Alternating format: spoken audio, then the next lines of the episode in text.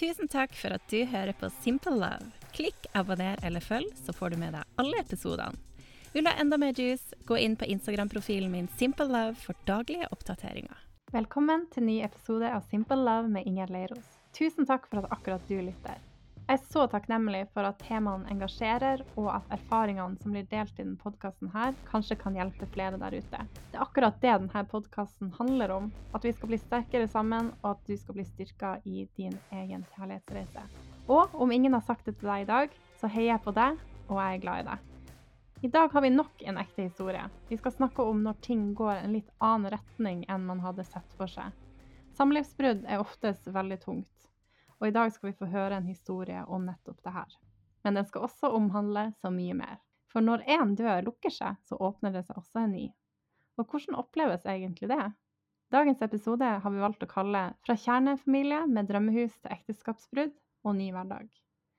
Du som lytter har helt sikkert fått hjertet ditt knust en eller flere ganger i livet. Og vi vet alle at det er veldig, veldig tungt. For dere som har fulgt meg en stund på Instagrammen Simple Love, så vet dere hvordan jeg hadde opp- og nedturer i datingverden, og hvordan jeg opplevde bruddet med min ekskjæreste. Det kan oppleves som en berg-og-dal-bane, og det er følelser som blir satt i sving. Men hvordan er det når du skal ut av et ekteskap, dere har barn sammen og har bygd et hus? Hvordan er det da å skulle gå ut på datinglivet igjen? Helene har erfaringer med nettopp det her, og hun ønsker å dele sin historie med oss. Helene møtte jeg da jeg gikk på folkeskole, hvor vi var faktisk roomies også en periode. Hun er en positiv sjel, og hun har den beste latteren. Hun er sykepleier, men har også de siste årene bygd opp seg en stor Instagram-profil under navnet Villa Nyhus. Og jeg anbefaler dere å gå inn og sjekke den ut med en gang. Hun er 30 år opprinnelig fra Stavanger, men bor nå i Kristiansand. Så hjertelig velkommen til studio, Helene. Tusen takk, så hyggelig å få komme. Og det er så koselig å se deg igjen og sitte her og snakke med deg. Absolutt, det er jo en del år siden, men det er helt eh, sykt hva som har skjedd på den tida. Ja, det er det. Vi møttes jo som sagt på folkehøyskolen, og det er vel 10-11 år siden da? ja, det er det jo faktisk. Og vi, hadde jo, eh, vi delte jo rom en periode. Det gjorde vi òg. Og vi sang i kor sammen. mm -hmm. Og ja, jeg husker så godt latteren din. Den får vi helt sikkert høre underveis her i dag. Det er helt fantastisk. Ja. ja. Men det har skjedd veldig mye siden den tid, og de siste årene så har vi jo hatt en del kontakt via Instagram. Mm. Og kanskje enda litt mer også etter at du ble singel. Absolutt. Så vi har delt noen erfaringer med hvordan uh, denne datingjungelen er. Uh, fordi, ja, som nevnt så skal vi snakke litt grann, uh, i dag om ekteskapsbrudd. Og hvor lenge siden egentlig du ble skilt nå, Helene? Nå er det jo snart et år siden. Det var i juni i 2022. Ja. Mm. Ja, og så vet jeg jo du har noen opplevelser med hvordan det er å komme ut i datingverdenen igjen. Og det blir det veldig spennende å høre litt mer om. Men nå bor du i en leilighet i Kristiansand, og du har to gutter som du har annenhver uke. Dagens tema har vi valgt å kalle da 'Fra kjernefamilie til ekteskapsbrudd og ny hverdag'. Og selve overskriften eh, her taler jo for seg sjøl at det her må ha vært eh, krevende. Så helt innledningsvis, kan ikke du fortelle oss litt mer om eh, det her, Helene? Ja, altså det er jo klart at det er krevende. Eh, og det er krevende å skal være i et samlivsbrudd i utgangspunktet. Eh, og da i tillegg å ha hele denne pakken som òg da skal på en måte fordeles eh, med hjem og barn og ja. En ser jo ofte for seg Eller en vet hva en har, da. Men en vet ikke hva en går til. Og det er på en måte noe av den der utryggheten som òg kan gjøre det vanskelig å avslutte en relasjon som ikke lenger er hensiktsmessig, men som en står i da for det at en har nettopp dette sammen, da, hus og barn, og så binder det en sammen. Men hvis det er kun det som binder en sammen, så er det jo ikke så mye en har til felles lenger, hvis det bare er det. Um, så vi kom vel til det punktet der vi fant ut at det var bare dette. Uh, og det var ikke noen relasjon oss imellom lenger. Og da er det på en måte det å skal hoppe ut i det ukjente og, og ta sats. Uh, og som oftest så går det jo veldig mye bedre enn det en ser for seg. Ja, og det det er jo veldig sånn ukjent når man har vært i en så langvarig relasjon sammen, og plutselig skulle stå på ja, egne bein og ja, gå ut i datinglivet igjen, da. Men eh, kan ikke du fortelle oss litt sånn når du møtte eksmannen din, da? Kan du fortelle litt om livssituasjonen din da? Ja, eh, da bodde jeg i Bergen etter å ha studert på folkehøgskolen med deg. Eh, og så eh, var jeg da på den eh, fantastiske datingsida sukker.no. Uh, sukker! Eh, det eksisterte jo selvfølgelig ikke Tinder på den tiden, for dette er jo da jeg var i 2012. Mm. Eh, så det begynner å bli en stund siden. Eh, så da var det på en måte sukker da, som jeg følte var en grei arena å skulle treffe andre på. Og jeg var nok veldig jeg må si veldig, desperat på den tida. jeg var beinklar for å få meg kjæreste. Um, jeg hadde ikke hatt noe Jeg hadde på en måte holdt på med noen, men ikke liksom sånn fast relasjon, da. Mm. Jeg husker vi hadde litt uh, samtaler på det her rommet vårt på folkehøgskolen, det lille rommet. Det var litt gutteprat der på kveldene. Det var absolutt det. Uh, og det var jo tydelig hva som var målet til oss begge, da. Um, vi begge kanskje har veldig trua på kjærlighet og ønsker veldig sterkt å ja, finne den rette, da. Definitivt. Mm. Ja. Men ja, du, du, var i Bergen og møtte han på sukker. møtte han på sukker. Han bodde i Oslo, jeg bodde i Bergen. Det startet med et avstandsforhold eh, som vi holdt på med i ett år, eh, før vi da flytta sammen til Kristiansand. Og jeg begynte på sykepleien, og han begynte i sin jobb da i Kristiansand. Ja, og eh, hvor lenge var dere da sammen før dere ble gift? Vi eh, ble forlova etter et år, og så gifta vi oss etter to år. Så ja. 2014 så gifta jeg meg. Ja. Mm. Og da var det bryllup, og det var ekteskap. Og hvordan føltes det? Altså det hvordan er på en måte alder Er dere i samme alder, eller? Han var åtte år eldre enn meg. Jeg var jo da 20 Må jeg tenke meg om. 21? Mm. um, nei, 22 var jeg faktisk. men ja, uh, jeg var jo ung. Men jeg var veldig sånn bestemt på at jeg ønska å gifte meg. Men sånn sett i ettertid så skulle jeg gjerne ha drøyd det lenger. Eh, på en måte ha nytt mer, ikke hige hele tida etter neste skritt. Eh, men prøvd å være mer til stede der og da. Og jeg kjente òg natta før jeg skulle gifte meg, at jeg var sykt nervøs. Jeg var usikker, men jeg tenkte at dette var en naturlig følelse, fordi at du skal gjøre en såpass stor greie i livet. Um, men sånn sett i ettertid så tror jeg at det var en slags tvil som var der allerede da. Ja, og det, det er jo litt sånn eh, Jeg har eh, tenkt litt på hvordan det føltes å ja, gifte seg da, som 22-åring. Det er jo ja, sikkert mye, mye ukjent med det også. Et stort valg.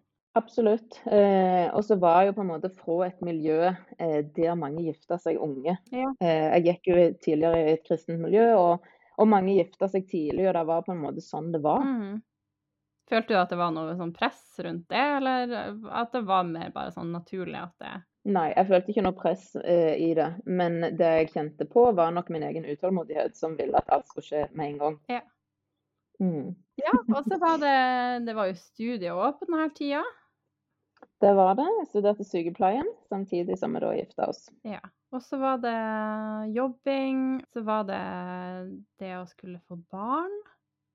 Mm. Mye som skjedde på samme tid, og det var husbygging, drømmehuset, som man kan si. mm, absolutt. Kan du fortelle litt, eh, litt om hele, hele, den pakka her? Ja, vi flytta jo inn i et uh, hus når vi flytta til Kristiansand, som vi kjøpte da. Og vi bestemte oss egentlig ganske fort etter vi gifta oss at vi hadde lyst til å prøve å få barn. Mm. Eh, så planen var da at jeg skulle ta permisjon fra studiet eh, og få barn. Men så viste det seg at eh, det var ikke så lett som vi hadde håpet på. Um, så istedenfor å få barn da som vi ønska, så tok det da tre år før vi fikk barn. Eh, og da var jo jeg ferdig med studiet. Mm. Så det er ikke alltid ting blir som en ser for seg. Og det var prøverørsprosess, og det var ja, mye mm. følelser innblanda i det å skulle få barn, da. Ja, det kan jeg tenke meg. Og det er jo når man opplever det å slite litt med å få barn òg, altså Jeg snakka med flere som har, har de samme utfordringene der, og det er jo kjempetøft på forholdet. At man eh, Det er det absolutt. mm, Du er jo i eh, Ja, det som for de fleste skal være en naturlig greie, blir et enormt eh, en enorm utfordring. Eh, og en stå, det hele står og faller på om en i det hele tatt skal bli foreldre. mm, Ja, ikke sant? Og det er jo klart at det setter sitt preg på forholdet. Mm. Ja, det høres ut som en eh, travel og ganske ja, utfordrende hverdag, da. Og så var det jo husbygging oppi, oppi det hele. Eh, jobb, og så etter hvert så fikk dere jo barn. Så var det samtidig en vill suksess på Instagram med Villa Nyhus. Der du tok eh, følgerne med på husbygging, og eh, etter hvert som dere Eller du innreda, kanskje. Var det en felles interesse med eksmannen din, eller? Nei, det var for så vidt mest min interesse, men han, han likte veldig godt min stil og det som jeg gjorde, så det var ikke noe sånn at han, han var likegyldig til ting. Men han var fornøyd med jobben jeg gjorde, da, sånn interiørmessig. Ja. Og jeg hadde jo eh, permisjon med han minste, da, sånn at jeg brukte min permisjonstid på å planlegge dette huset. Ja. ja. Men da, du opplevde at han eh, støtta deg i eh, det at du bygde denne Instagram-profilen? Absolutt. Mm. Og det begynte jo som en sånn eh, vanlig byggedagbok, egentlig, så jeg hadde lyst til å dokumentere litt for min egen del. Mm. Um, og så fant jeg ut at dette var jo noe som interesserte folk, og så eskalerte det da. Men du har nevnt litt eh, Dere hadde en travel hverdag, det var stor suksess med Instagrammen. Du nevner at han eh, støtta deg i det. Så eh, hvor var det på en måte dere opplevde da utfordringene deres? Hva var det som skjedde underveis i forholdet? Jeg tror nok at vi hele tida har hatt eh, ting i forholdet som har vært vanskelig, eh, og som vi da har tenkt at OK, bare vi får dette første barnet, så vil det ordne seg. Og så skjer jo dette da at vi mister tre ganger Mm. eh, før vi da får den neste. Og da er på en måte tanken at OK, bare vi får den siste ungen på plass, bare vi kan gi eh, eldste sønnen et søsken, så vil det ordne seg. Mm. Um, og så gjør det jo ikke det, for det er jo ikke noen løsning på ting. Eh, og så er, føler jeg på en måte forholdet er veldig prosjektbasert. og Det er prosjektbarn, det er prosjekt bygge hus. Det er stadig noen prosjekt som vi har fokus på. Eh, og så blir fokus på hverandre bare mindre og mindre. Eh, og så blir det kanskje en sånn der krampetrekning da, for å holde liv i noe som egentlig er dødt for lenge siden. Mm. At man prøver å finne et sånn mål der framme. Klarer man det steget og det steget, så ja, holder man ut i det, men så er det egentlig at man kjenner det litt Ja. innerst inne at det ikke fungerer helt, da. Absolutt. Men uh, hva har du lært av, eh, av det her, da? Hvis du tenker på eh, Jeg har lært eh, å prøve så godt jeg kan å ikke rushe ting. Jeg prøver på en måte være mer til stede her og nå i det som er fint, og sette pris på de små øyeblikkene. For jeg føler at hele eh, den første delen av mitt samliv da, dreide seg bare om neste ting hele tida. Hige etter neste prosjekt og neste ting som jeg skulle gjøre. mm, Um, så det med å faktisk bare være til stede her og nå og kjenne at akkurat her og akkurat nå så er det kjempebra. Og bare ta til seg det og, og ja, suge til seg det en kan da for de gode øyeblikkene. mm. Ja, det hørtes ut som en, eh, et veldig godt tips. Mm. Men eh, da det ble en ende på det forholdet her, det ble slutt, og det ble en skilsmisse. Mm. Hva var dine tanker rundt skilsmisse?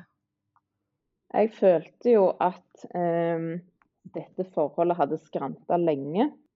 Eh, så det å da faktisk bestemme seg for at nå går vi hvert til vårt, og det var vi enige om.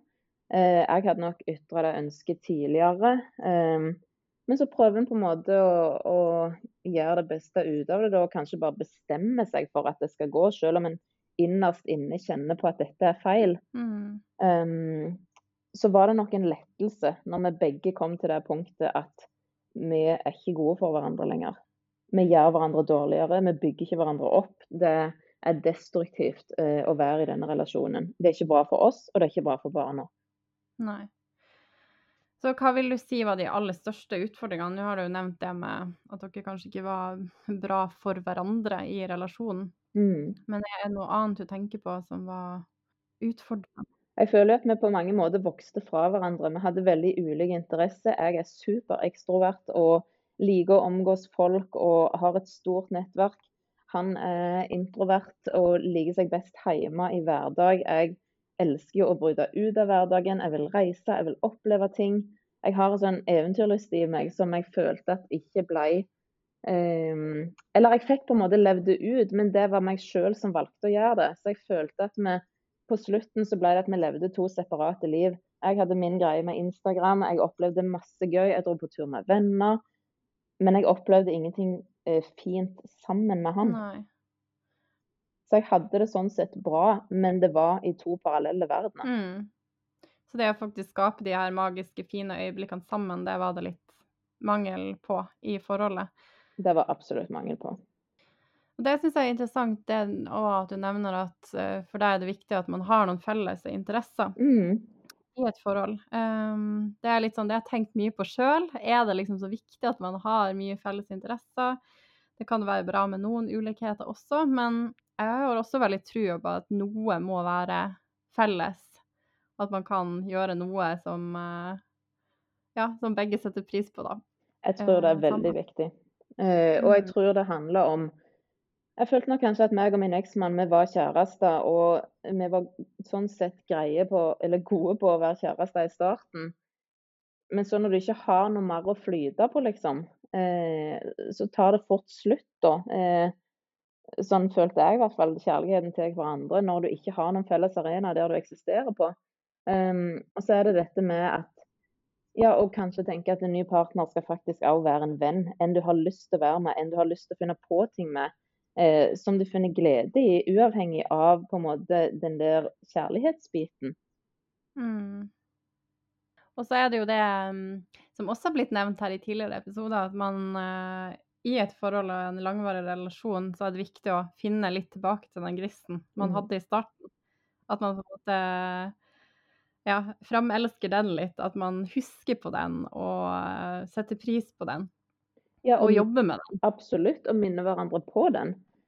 Mm. At en er gode på å på en måte fortelle den andre hva en setter pris på med den, og ja, at en er til stede emosjonelt. Mm. Ja, og så var det skilsmissen, og da Du sier jo litt her at det var litt forventa fra din side. Um, var, det, var det noe som kom som et sjokk, holdt på å si, for, for andre, eller Ikke for de nærmeste. Nei. Eh, sånn sett ifra Instagram sine øyne, så var det nok kanskje det, ja. Um, Mm. Men eh, for de nærmeste så var det nok ikke noe sjokk, nei.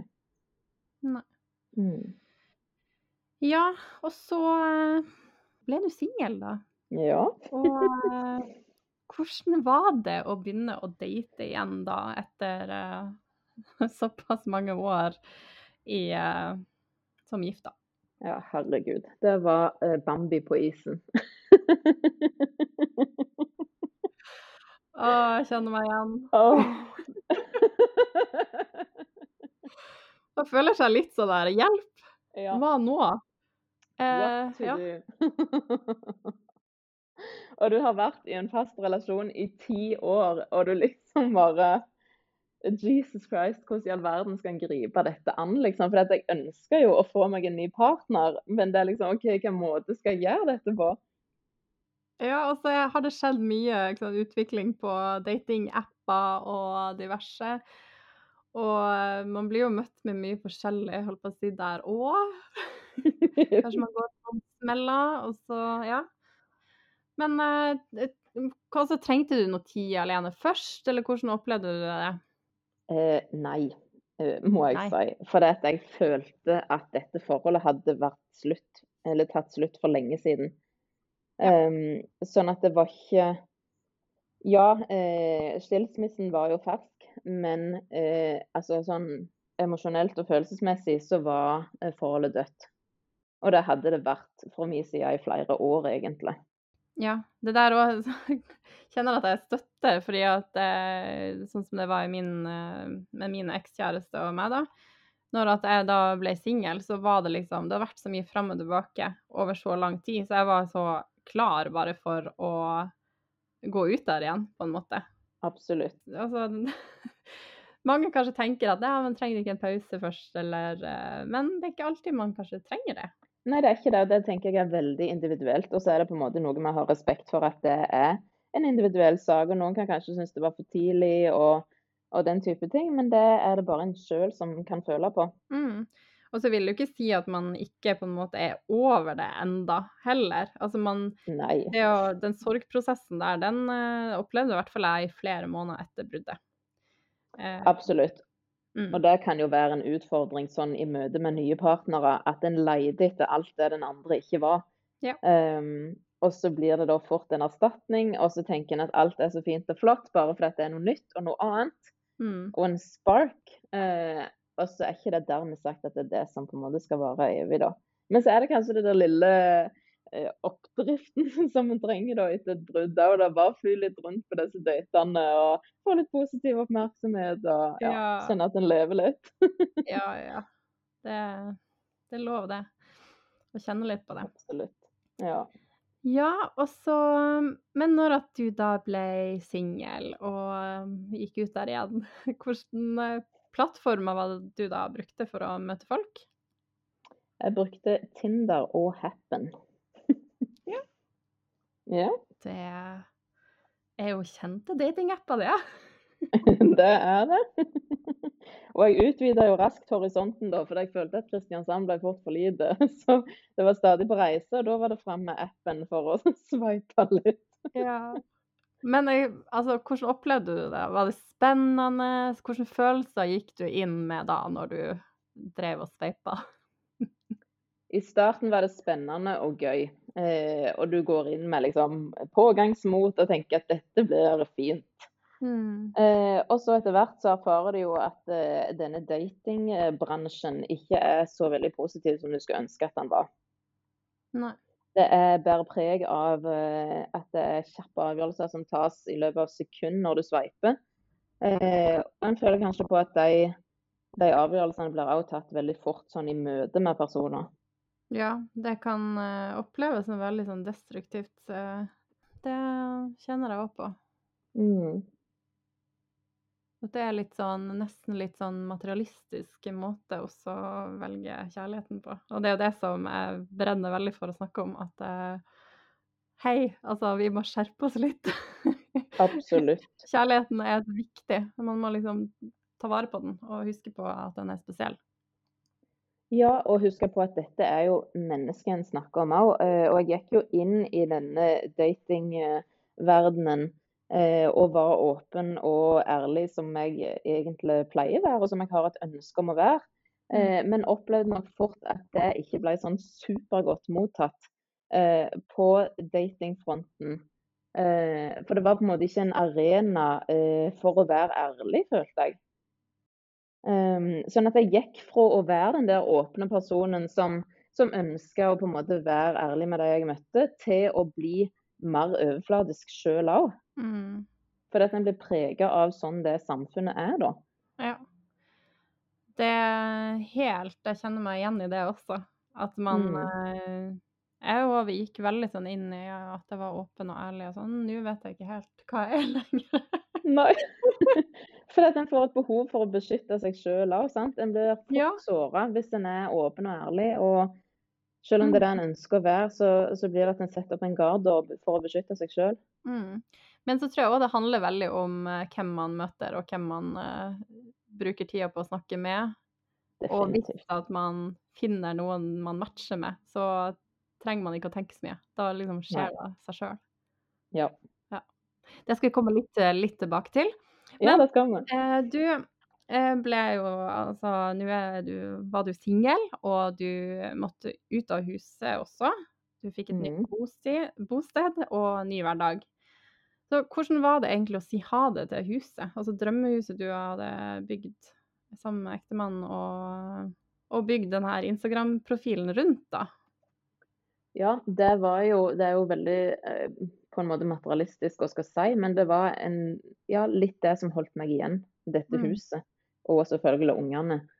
Um, men så kom jeg jo til den erkjennelsen at det hjelper ikke uansett hvor fint og flott en har det rundt seg, En kan ha alt en ønsker seg av materialistiske goder, eh, men så lenge på en måte ikke kjærligheten er på plass, eh, så hjelper det ikke. Eh, og jeg følte at jeg på mange måter prøvde å erstatte et veldig tomrom som jeg følte på, med materialistiske goder. Jeg kjøpte meg ting, jeg følte på det sånn kortvarig lykke med å kunne liksom investere og, og kjøpe nye møbler eller kjøpe nye vesker eller sånne type ting, da. Um, mm. Som en erstatning for en kjærlighet som jeg egentlig gikk og savna. Mm. Og eh, du nevner jo det her med det som ja, mest utfordrende med det å forlate huset, da.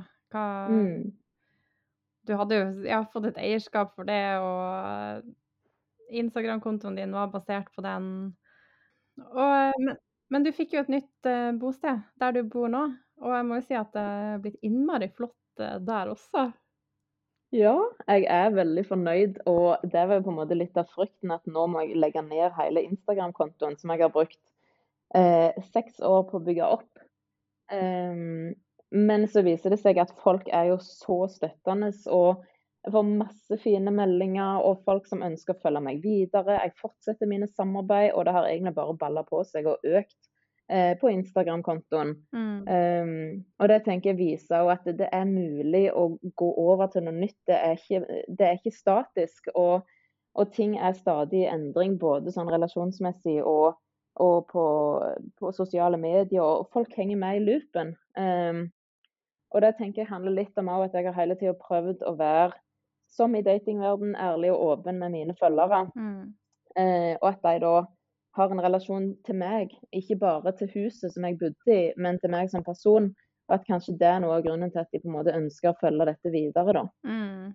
Det er veldig fint å høre. Og det er jo sånn når man har en Instagram-profil og får følgere sånn, det er jo så flott at man faktisk blir så nær, da. Man får noen nære relasjoner. Eh, flere mm. man snakker med jevnlig, og ja, at de støtter deg, og det er jo helt fantastisk. Og så er det jo, som du sier, nevner her med det ekteskapet og sånn, det finnes jo alltid en grunn for hvor, hvorfor ting ble som de ble.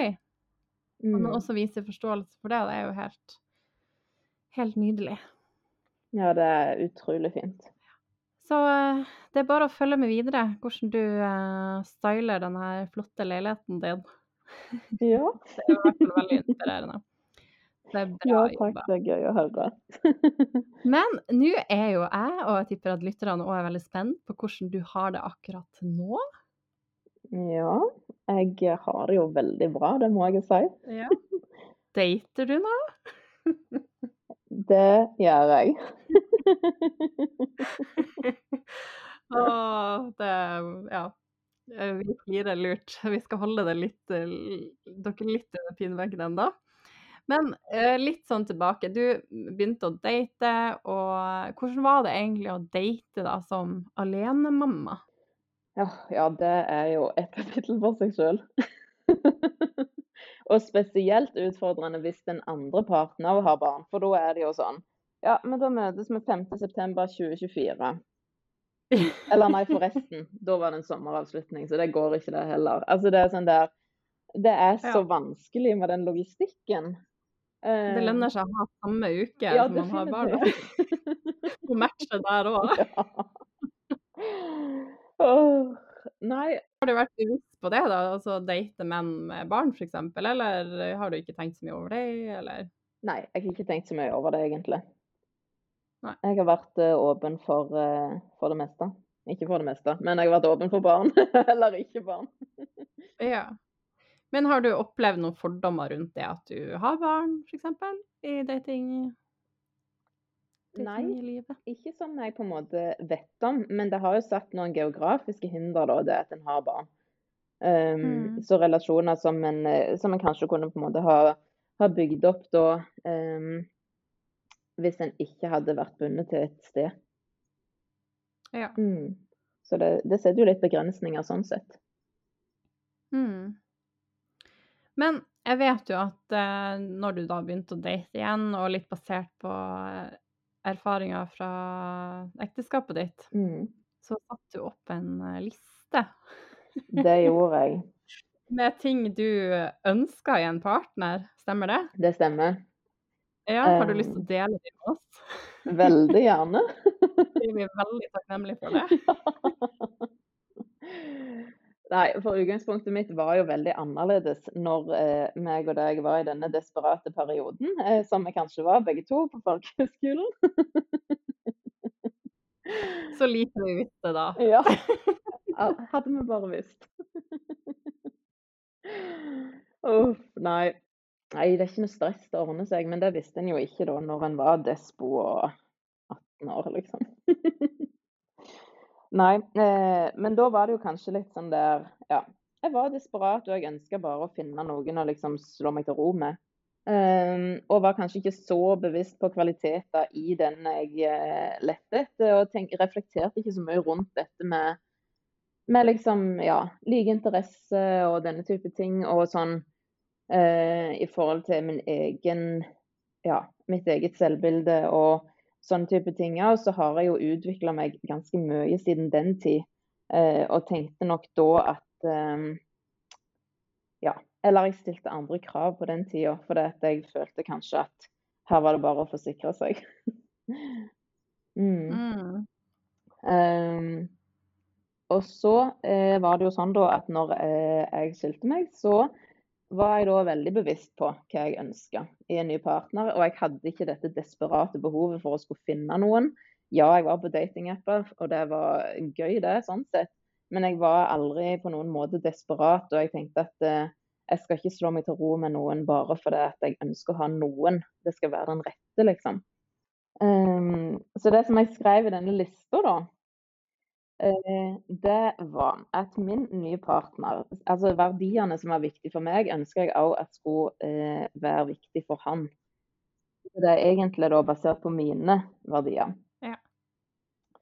Så det som jeg da har skrevet, er livsglede, takknemlighet, omsorg og empati, fleksibilitet, familiekjær, reiseglad, kunne nyte, fysisk berøring, stabilitet og like meg for den jeg er. Ikke et ønske om å liksom skulle endre på noe, men ja. Det er sånn jeg er, og det, hvis ikke du på en måte syns det er godt nok, så får du finne noen andre. Mm. Å, det var en veldig fin liste. Ja, det kjente meg igjen i mange verdier der òg. Absolutt eh, ja, ønsker i en relasjon. Mm. Men eh, livsglede, det var nummer én, sant? Skal vi se. Ja, det er i hvert fall en av de viktigste. Ja, det var nummer én. Det, den er fin. Mm. Ha en glede og en eh, Ja, at man ønsker å ja, sette pris på livet. Absolutt ikke bare skal eksistere, men det å faktisk leve. Fantastisk. Tusen takk for at du delte den lista med oss. Den, eh, jeg må høre den litt på repeat noen ganger. Ja. og så er det jo individuelt, ikke sant. Det er jo din liste. Men mm. det kan være fint å sette seg Altså skrive opp en sånn her liste over verdier man setter pris på og ønsker. Fordi jeg tenker man skal ha noen krav. Man skal ikke bare ta til takke med eller tenke at man ikke fortjener bedre, for det, det gjør man faktisk. Ja, det gjør en. Og jeg tenker at med ei sånn liste eh, Det er fort gjort når du treffer nye og på en måte glemmer kanskje litt hva som opprinnelig var ens egne verdier, eller, eller hva en leide etter en partner. Så da med å ha skrevet det ned, så kan jeg gå tilbake inn og bare OK, men samsvarer dette med det jeg egentlig ønsker? Eller er jeg bare fysisk tiltrukket av dette mennesket, f.eks.? Mm. Ja, for at det opplever man jo ofte i en relasjon òg, at man blir veldig forma av den partneren man er med òg. Mm. At man kanskje kan glemme seg sjøl litt. Ja. Når man får fram eh, de verdiene og det man vet er viktig for seg sjøl, da. Og faktisk ja, ta vare på seg sjøl i relasjonen. Ja, absolutt. Mm. Ja, så hvordan syns du det var da når du skulle ut og treffe nye mennesker, dra på date? Hva du Syns du det var skummelt? Syns du det var helt greit? Eller hvordan eh, opplevde du det? Jeg syns egentlig det var greit. Eh, jeg er jo på en måte Ja, jeg er jo en ekstrovert type. og og syns liksom det er gøy å treffe nye folk. Så jeg på en måte gikk litt inn i det med bare sånn der OK, men dette er en ny erfaring. Det blir mm. sikkert bra, liksom. Og hvis ikke det går bra, så gjør jeg, så klarer jeg å stå i det en times tid, liksom. ja. Det er flott, flott, å høre. Jeg tenker også sånn, Det var egentlig veldig lik min innstilling òg, når jeg skulle ut der. Altså, Jeg syns det er så spennende å møte nye mennesker, og de der første møtene med folk, første og andre møter, er jo bare sånn Man har jo så mye å snakke om. Det er et helt nytt menneske man skal bli kjent med. Mm. Det kan liksom ikke gå så galt da, tenker jeg. Ja, det kan gå galt, men da klarer du på en måte å stå i det. det, det kan det. Men uh, det går som regel bra. Som regel går det bra. Og hvis ikke det går bra, så har du en god historie. ja. Men ja, nå har jo vi uh, vært litt sånn fnisete og sånn, men dater du noen nå, Helene? Ja, det gjør jeg. oh. Når jeg spurte deg litt før vi starta her uh, tidligere i dag, så, så sa du ja, jeg dater masse. ja. Skal love deg at jeg dater. Å, men fortell, for du Ja, du har kanskje møtt noen? ja. Jeg dater mye, men jeg dater bare den samme personen. Hurra! Og vi er nok uh, kommet over dette datestadiet med i et fast forhold. Å, gratulerer. Det, altså, jeg ble så glad. Vi snakka jo litt på Instagram når det her skjedde. Mm. Liksom, eh, jeg skjønte hva som hadde skjedd. ja. Jeg tror følgerne dine òg har liksom skjønt litt, da. Ja. Så eh, det var veldig, veldig hyggelig å se. Dere var på en uh, romantisk tur, blant annet. Delte noen bilder derifra. Mm. Men ja, fortell oss om det her. Når skjedde det? Hvordan møttes dere? Nei, det som var greia eh, Ja, det starta jo i januar. Eh, men jeg var egentlig ganske fedd up av hele Tinder-greiene.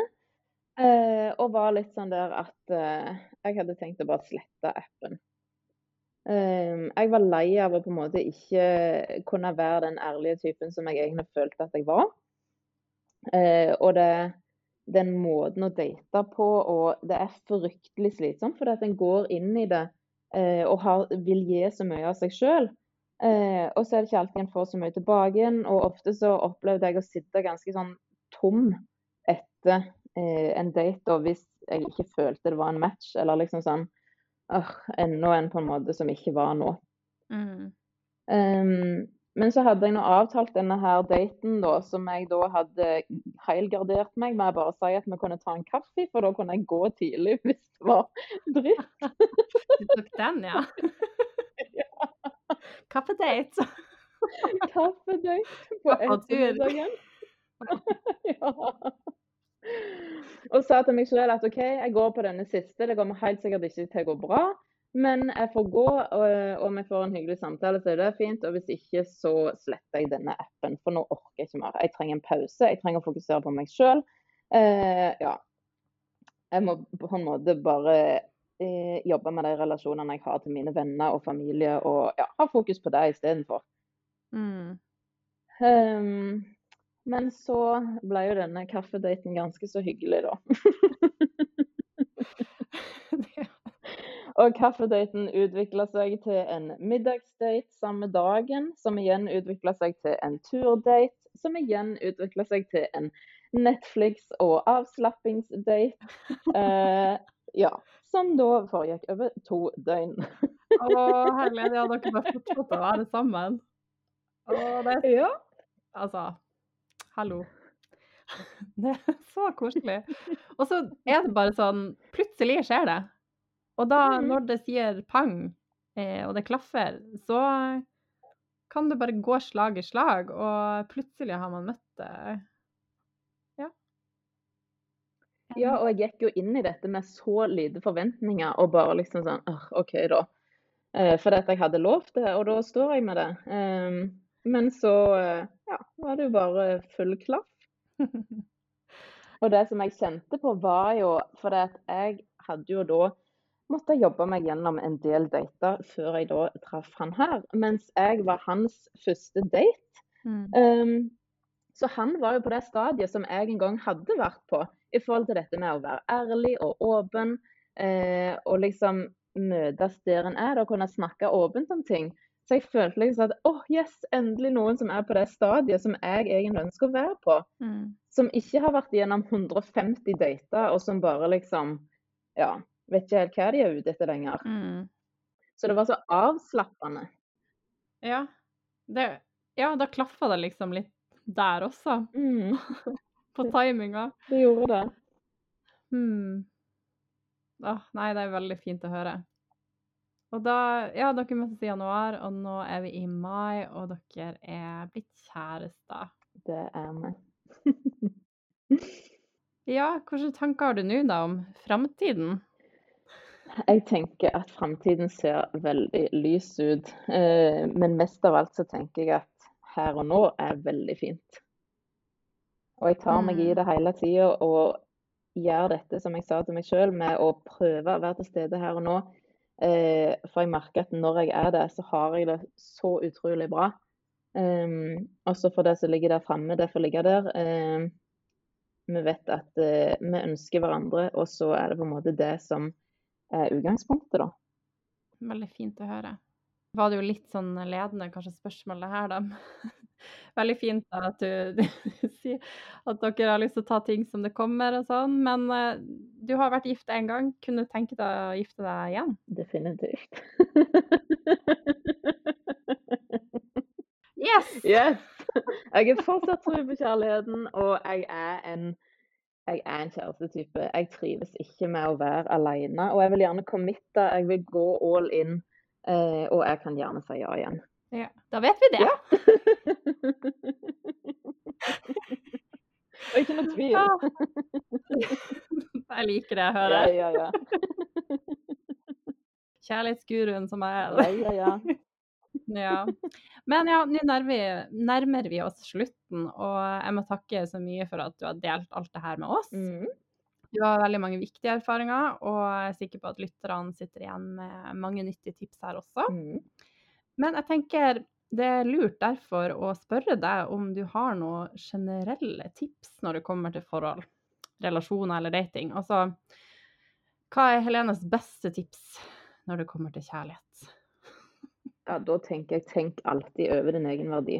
Ikke slå deg til ro med noe som er sånn halvveis, eller noe som går på akkord med det du på en måte egentlig står for sjøl. Mm. Tenk at du har verdi, og tenk at noen andre er heldige som får være med deg. Eh, Og hvis ikke de gir deg inntrykk av at du er på en måte verdt å være med, eller at de gir uttrykk for at de er heldige som får være med deg, så er det kanskje ikke det rette, da. Um, Mm. Og så er det litt det som vi snakket om òg, og som du har i eh, på en måte headlineren med 'simple love', at det skal føles enkelt. Mm. Eh, jeg har vært på dater, og jeg har data eh, andre der på en måte en føler at en må tvinge det fram. Eh, og i det med at det må tvinges fram, så tenker jeg at da er det kanskje ikke det rette. For det føles veldig lett og enkelt når det er den riktige, da. Mm. Det er godt sagt, og godt at du catcha tittelen. Ja. det, altså. Er jo Ja, kjærlighet skal være enkelt. Det skal ikke føles vanskelig. Når det er rett, så er det rett. Og selvfølgelig må man jo jobbe for det i en relasjon. Det er jo ikke sånn at det er en dans på roser, men uh, at man faktisk må Man har litt ansvar òg for å faktisk få det til å fungere sjøl også, med å si eh, kommunisere sine egne verdier og sine egne ønsker i et forhold. Absolutt. Jeg tenker det er veldig viktig. Mm.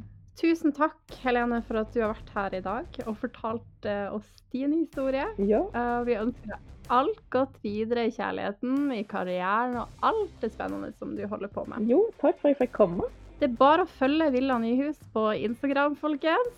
Da får du masse, masse gode tips. Så eh, tusen takk, Helene, for at du gjesta her i dag. Og så masse lykke til videre. Tusen takk for det. Og med det så sier vi takk for oss. På gjensyn. Ha det bra! Ha det. Tusen takk for at du hører på Simple Love. Klikk abonner eller følg, så får du med deg alle episodene. Vil du ha enda mer juice, gå inn på Instagram-profilen min Simple Love for daglige oppdateringer.